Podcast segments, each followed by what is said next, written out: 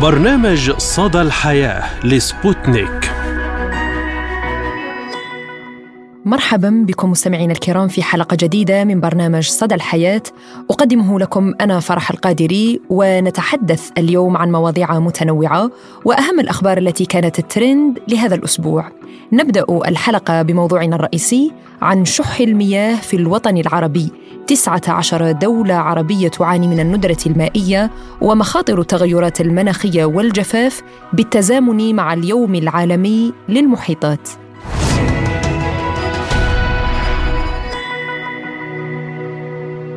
لا بد وأن الجميع يعلم أن نسبة المياه على سطح الأرض تشكل 71% وأن المحيطات تحظى بالنسبة الأكبر من الماء على سطح الأرض.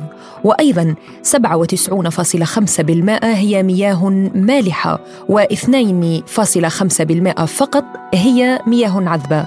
أي أن المتاح منها للاستخدام البشري لا يتجاوز نسبة 0.3% وتزامنا واليوم العالمي للمحيطات الذي يوافق الثامن من يونيو حزيران من كل عام نترككم اولا مستمعينا الكرام مع هذا التقرير.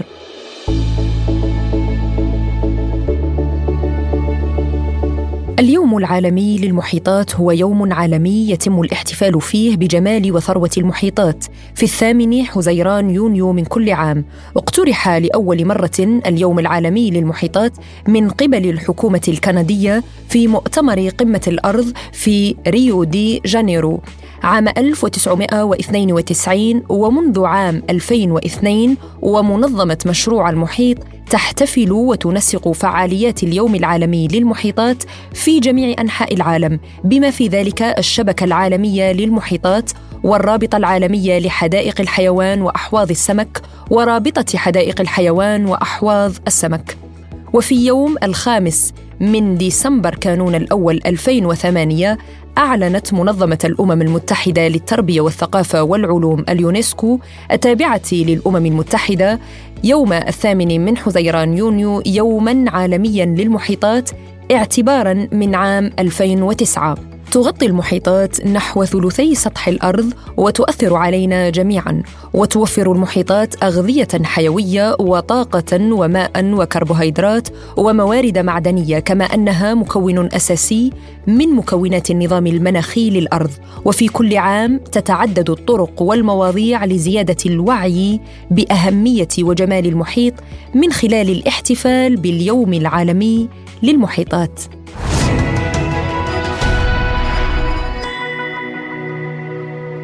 في ظل تغيرات المناخ والاحتباس الحراري وأيضا بسبب الصراعات والحروب وعدم الاستقرار في عدة مناطق حول العالم لا سيما في المنطقة العربية بات تهديد شح المياه تهديدا لأمن الطبيعة والبشرية وخطر حتمي تواجهه الشعوب والدول خاصة العربية. فخمسون مليون شخص في المنطقة العربية يفتقرون لمياه الشرب وتسعون في الماء من السكان يعيشون في بلدان نادرة المياه.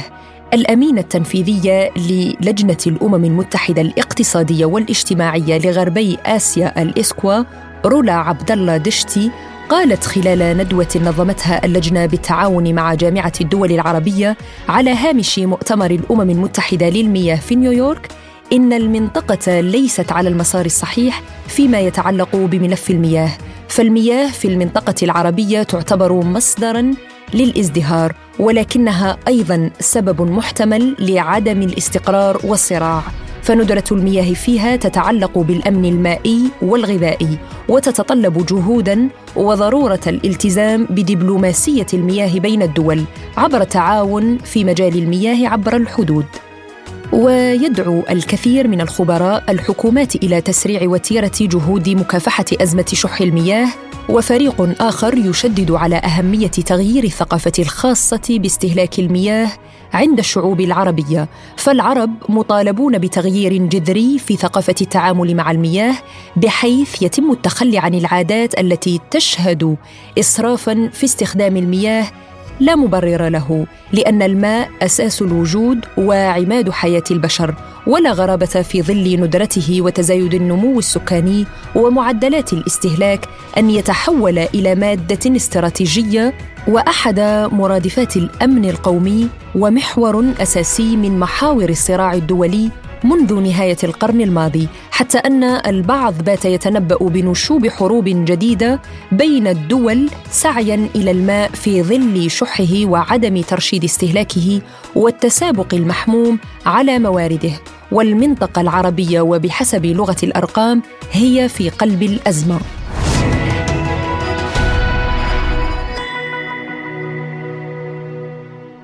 وللحديث أكثر حول هذا الموضوع نستضيف معنا أستاذ الجيولوجيا والموارد المائية بجامعة القاهرة الدكتور عباس شراقة أهلا وسهلا بك دكتور وشكرا لتواجدك اليوم معنا في صدى الحياة أهلا وسهلا بكم وبالساده المستمعين. يعني دكتور كما ترى بأن هناك 19 دولة عربية تعاني من الندرة المائية و14 منها يعني تعاني من العطش. برأيك ما حجم الخطر الذي يهدد الدول التي تعاني شح المياه لا سيما مع التغيرات المناخية؟ اولا هو بحكم الموقع الجغرافي فإن الدول العربية بالكامل بتقع في أشد مناطق العالم جفاف. فالدول العربية في إفريقيا وهي في شمال إفريقيا في الصحراء الكبرى الإفريقية وامتدادها دول الجزيرة العربية. فاذا الموقع الجغرافي بحكم الطبيعة فهو جاف والدول العربية من أقل دول العالم استقبالا لمياه الأمطار. ولكن المشكلة تزداد الآن لأن في الماضي المياه الأمطار موجودة بالفعل ولكن كان عدد السكان قليل. الآن مع تزايد عدد السكان ومع زيادة مستوى المعيشة في الدول العربية بيزداد استهلاك الفرد للمياه. ومن هنا جاءت المشكلة هناك مشروعات زراعية جديدة هناك مدن جديدة بيتم إنشائها ومن هنا زاد الطلب على المياه. والموارد المائية القليلة في العالم العربي هي ثابتة لا تزيد لأن على مستوى العالم كمية المياه ثابتة ولكن ما يحدث هي عبارة عن أمطار أحيانا في بعض السنوات تزيد وتقل في سنوات أخرى.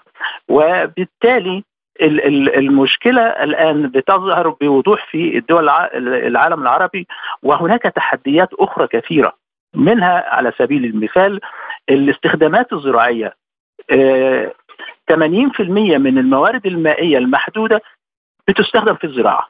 وبالتالي استهلاك الزراعة كبير جدا للمياه على حساب الصناعة ومن هنا بيبقى الناتج الإجمالي من الدخل بيكون من الزراعة أقل من الصناعة.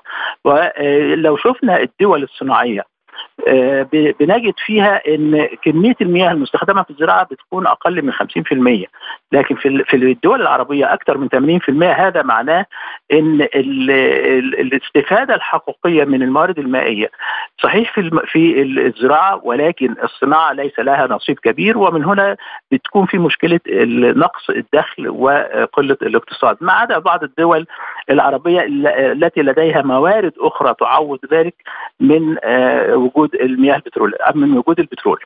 نعم يعني كما يقال اليوم من يمتلك الماء يمتلك القوة والاستقرار. برأيك ما العلاقة بين الأمن المائي والأمن العام للبلدان واستقرارها أيضا؟ هو الحقيقة أن هذه المقولة ليست صحيحة. على الإطلاق لأن لو نظرنا إلى بعض الدول الأكثر مياه أو الدول الغنية بالمياه هي أفقر دول العالم. ولو نتحدث عن الآن يعني هناك حروب وصراعات بين دول على المنسوب المائي مثلا بين فلسطين وإسرائيل بين موضوع سد النهضة في مصر وأيضا العراق وإيران. كيف ترى ذلك؟ الأمن المائي هو القدرة على توفير المياه والغذاء للمواطنين وليس بالضرورة أن تكون المياه بالكامل موجودة داخل أراضي الدولة لكن وجود اقتصاد قوي يستطيع إن هو يعني يستورد احتياجاته الغذائية. آه، يبقى هنا يبقى عنده وفرة من الغذاء. لأن كما أقول أن الدول الأكثر آه، غناء من المياه هي الأكثر فقرا. وعلى سبيل المثال دولة الكونغو الديمقراطية آه، نصيب الفرد فيها أكثر من 15 ألف متر مكعب في السنة.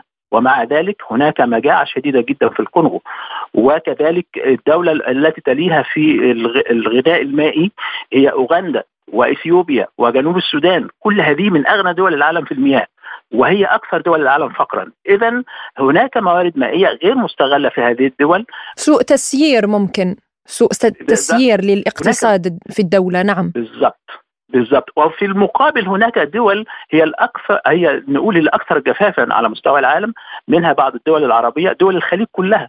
نصيب الفرد في دول الخليج أقل من 100 متر مكعب في السنة. ربما في الكويت يبقى 5 متر مكعب فقط. في السنة يعني ده 5 متر مكعب يعتبر يعني ساندوتش وفنجان قهوة.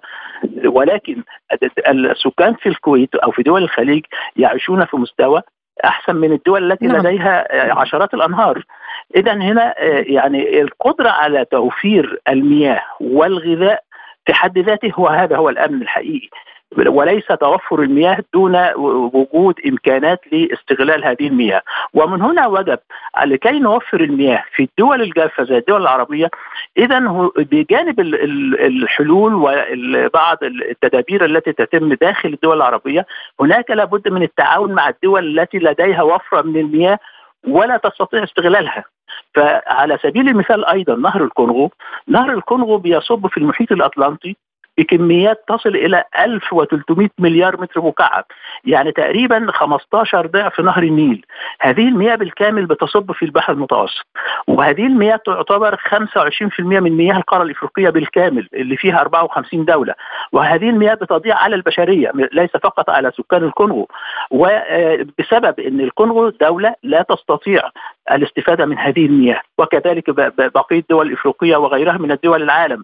اذا أحد الحلول الكبرى هي أن تتعاون الدول التي يعني لديها أموال وتستثمر في الدول الفقيرة والتي لديها وفرة من المياه. يبقى الاستثمارات في الزراعة الاستثمارات في الإنتاج الحيواني ويتم نقل الناتج الزراعي. غير مطلوب من دولة مثلا زي ليبيا وهي دولة صحراوية ليس لديها مصادر مياه أن تقوم بالزراعة. أو بالانتاج الحيواني. يعني تغيير خطط أو مثلا وجود حلول بطريقة أخرى، نتحدث أيضا عن انعكاسات أزمة شح المياه على الحياة اليومية للناس وأيضا للدول في ظل هذه الصراعات والحروب وأيضا التغير المناخي والاحتباس الحراري لا سيما. الحقيقة يعني في دول المنابع لأن إحنا عندنا سكان العالم 50% من سكان العالم يسكنون أحواض نهرية مشتركة. بمعنى إن في زي نهر النيل في 11 دولة وبالتالي هناك دول للمنابع ودول مصب. وهناك ممكن تحدث صراعات إذا لم يكن هناك تعاون بين هذه الدول سوف تحدث صراعات. كما حدث مؤخرا ما بين أفغانستان وإيران. وقتل بعض الجنود على الحدود بسبب أن أفغانستان بتقيم سدود تمنع وصول المياه إلى الحدود الإيرانية رغم أن إيران هي نفسها بتفعل نفس الشيء مع الدول الجيران زي العراق نعم. أو تركيا فإذا هنا لابد من التعاون ما بين المنابع وبين المصب بما يؤدي إلى الاستفادة القصوى من المياه للجميع كمية المياه على سطح الأرض تكفي سبع أو ثمان أضعاف عدد السكان الحالي ولكن بشرط التعاون. المياه في القارة الإفريقية نفس الشيء. إذا تعاوننا إذا تعاوننا مع الدول اللي عندها الأنهار سوف نستطيع الاستفادة من المياه قبل أن تسقط في المحيطات، لا لا يمكن أن نتخيل إن إحنا نترك الأنهار تصب في المحيطات وهناك دول كثيرة تشتكي عدم وجود مياه، اذا هذه يعني من أحد الحلول الرئيسية لحل مشكلة المياه ليس فقط في العالم العربي ولكن على مستوى العالم أجمع، ما إحنا عندنا نهر الأمازون بيصب بكميات هائلة في المحيط وبالتالي هنا وجب على العالم الآن أن يتكاتف للاستفادة من الموارد هذه الموارد المائية هي موارد ربنا وهبها للبشرية وليست للدولة فقط التي تسقط عليها الأمطار أو وجود بها أنهار. من حيث يعني التوازن البيئي أعود إلى الحديث عن أنه قبل سنوات تم إنشاء أول بنك خاص بتأمين القطاع الماء المائي. برأيك يعني إلى أي مدى باتت اليوم ضرورة ملحة وضرورة حتمية لدعم هكذا مشاريع؟ الحقيقة موضوع البنك المائي إذا كان الغرض منه هو تسعير المياه وبيعها للدول الأخرى فهذا مبدأ خطير.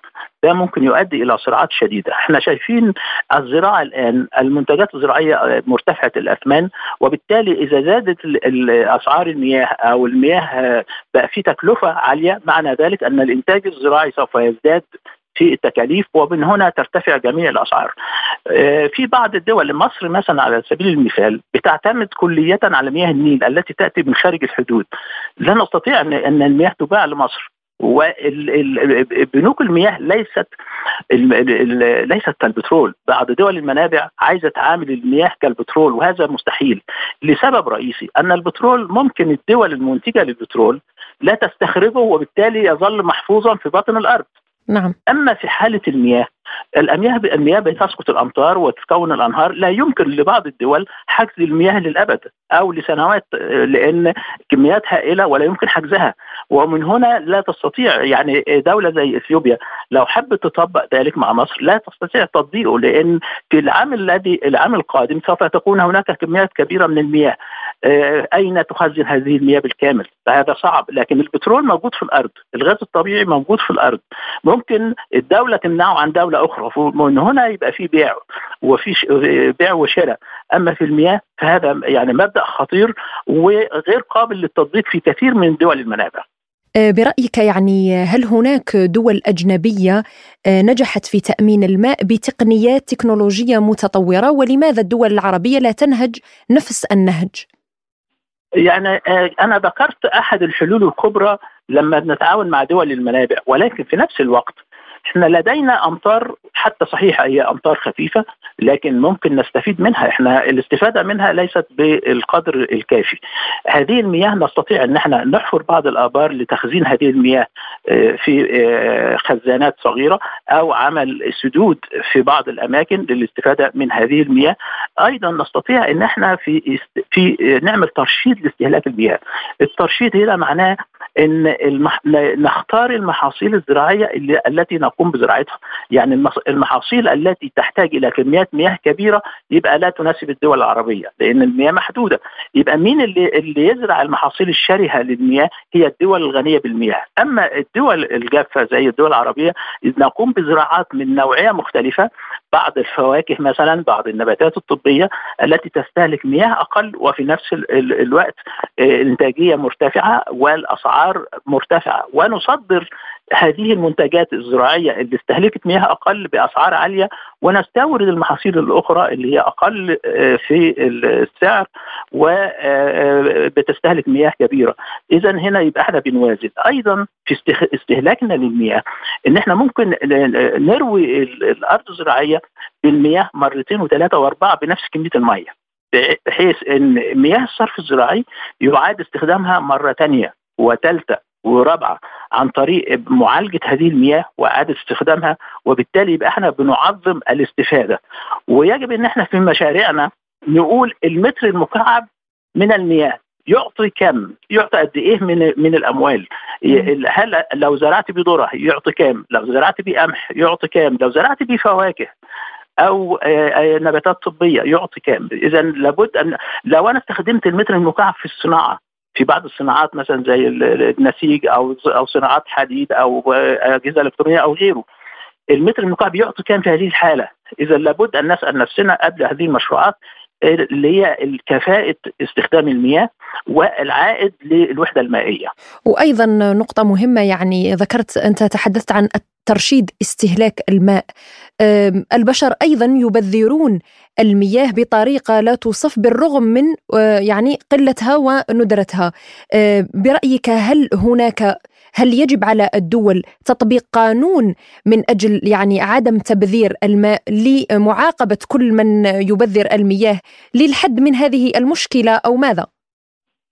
هو الحقيقة يعني لابد من التوعية والتوعية هنا آه، لابتداء من الطفل الصغير لأن الفرد لازم يبقى حريص في بيته إن لو فيه أي صنبور للمياه في أي تسريب مائي لابد من الإصلاح فورا. آه، لكن أنا آه، دايما الاستخدامات المنزلية بتكون قليلة. لو نظرنا إلى مثلا المياه في العالم العربي ده يعتبر عدم إدارة جيدة للمياه. إذا استخدمنا أكثر من 80% من الموارد المائية في مجال الزراعة فقط. ومجال الصناعة حوالي 7% هذه كمية قليلة. والاستهلاك المنزلي قد يصل إلى 10 أو 12% اذا استهلاك المنازل هو الأقل. ولكن عندما تكون هناك توعية الإنسان في منزله هو نفسه اللي بيزرع. وبالتالي لما يروح يزرع هيفكر في المحصول نوع المحصول اللي هيقوم بزراعته هيفكر في طريقة الزراعة اللي توفر مياه وتعطي إنتاجية عالية هيفكر في طريقة الري. طريقة الري إحنا برضو هنا بنطور الري في العالم العربي. الري الحديث اللي يستهلك مياه أقل ويعطي إنتاجية عالية. فإذا التوعية ضرورية للإنسان في منزله وهو نفسه اللي بيزرع وهو نفسه اللي بيصنع وهو نفسه اللي موجود في المدرسة وفي الجامعة أو غيرها. وبالتالي ضروري قوي التوعية. وإحنا ديننا الحنيف بيقول يعني إن إحنا يعني نقتصد في استخدام المياه حتى لو كنا على نهر. نعم. فاذا الحفاظ على المياه ده ضرورة في العالم كله حتى لو دولة غنية بالمياه يجب أيضا أن الإنسان يتعلم كيف يحافظ على المياه. نعم أشكرك أستاذ الجيولوجيا والموارد المائية من جامعة القاهرة الدكتور عباس شراقة شرفتنا في هذه الحلقة. شكرا لك على المداخلة. شكرا جزيلا تحياتي.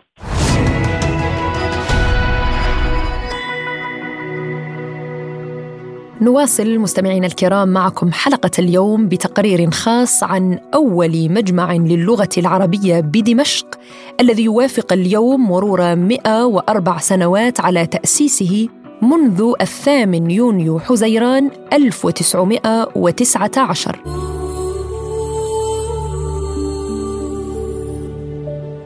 مجمع اللغة العربية بدمشق يعد أقدم مجمع للغة العربية في الوطن العربي. تأسس في عهد الملك فيصل عام 1919 للترويج للغة العربية وكان له أثر كبير في تعريب مؤسسات الدولة وأجهزتها وتعريب التعليم وإنشاء المدارس الأولى في سوريا والدول العربية.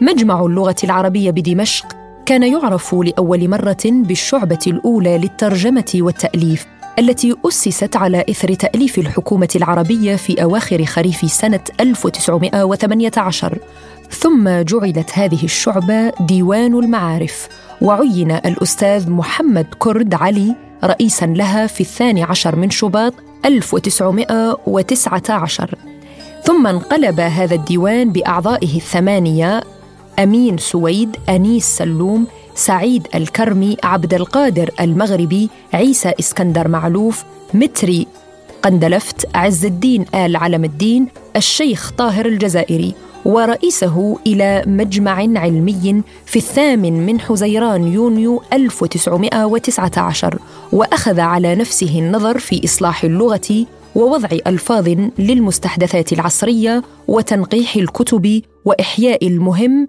مما خلفه الأسلاف منها والتنشيط على التأليف والتعريب. ولقد كان جزءا من جهد منسق من قبل حكومة المملكة السورية آنذاك المنشأة حديثا لجعل اللغة العربية لغة الإدارة والقوات المسلحة والثقافة العالية والتعليم داخل حدودها وكان من بين مؤسسيها أمين سويد وأنيس سلوم وسعيد الكرمي وعبد القادر المغربي وعيسى المعلق وديمتري قندلفت وعز الدين التنوحي ومحمد كرد علي الذي كان رئيسا لها حيث كان القوميون المؤثرون مثل عبد الرحمن شهبندر ورشيد بقدونس وفارس الخوري من أوائل الأعضاء. حيث رعت الأكاديمية ومقرها المدرسة العديلية التاريخية التي كانت تسمى بالمدرسة العادلية محاضرات عامة حول مجموعة واسعة من الموضوعات الثقافية وأشرفت على تحرير النصوص المهمة باللغة العربية بالإضافة إلى ذلك كانت مسؤولة عن الإشراف على المجموعة الواسعة من المخطوطات والكتب التي جمعها الشيخ طاهر الجزائري خلال العقود الأخيرة من القرن التاسع عشر في المدرسة الظاهرية المجاورة. وبحلول ربيع عام 1920 أجبرت الصعوبات المالية المتزايدة حكومة الملك فيصل على خفض تمويل المنظمة التي تم حلها في وقت لاحق من ذلك الصيف.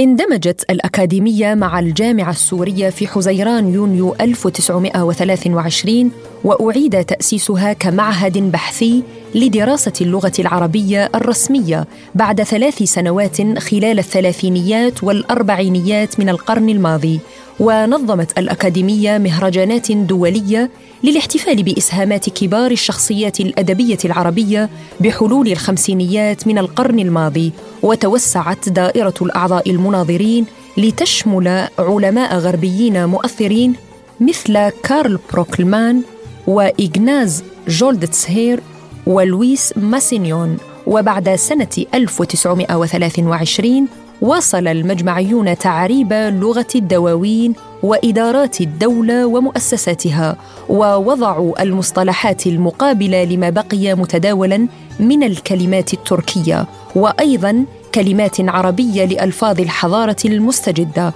وبعد الوحدة السياسية الإندماجية بين سوريا ومصر عام 1958 صار اسم المجمع بمجمع اللغة العربية بدمشق وأنشئت فيه لجان جديدة وواصل المجمع أعماله القديمة من تحقيق للتراث وتأليف للكتب وإلقاء للمحاضرات فضلا على وضع المصطلحات أو تعريبها.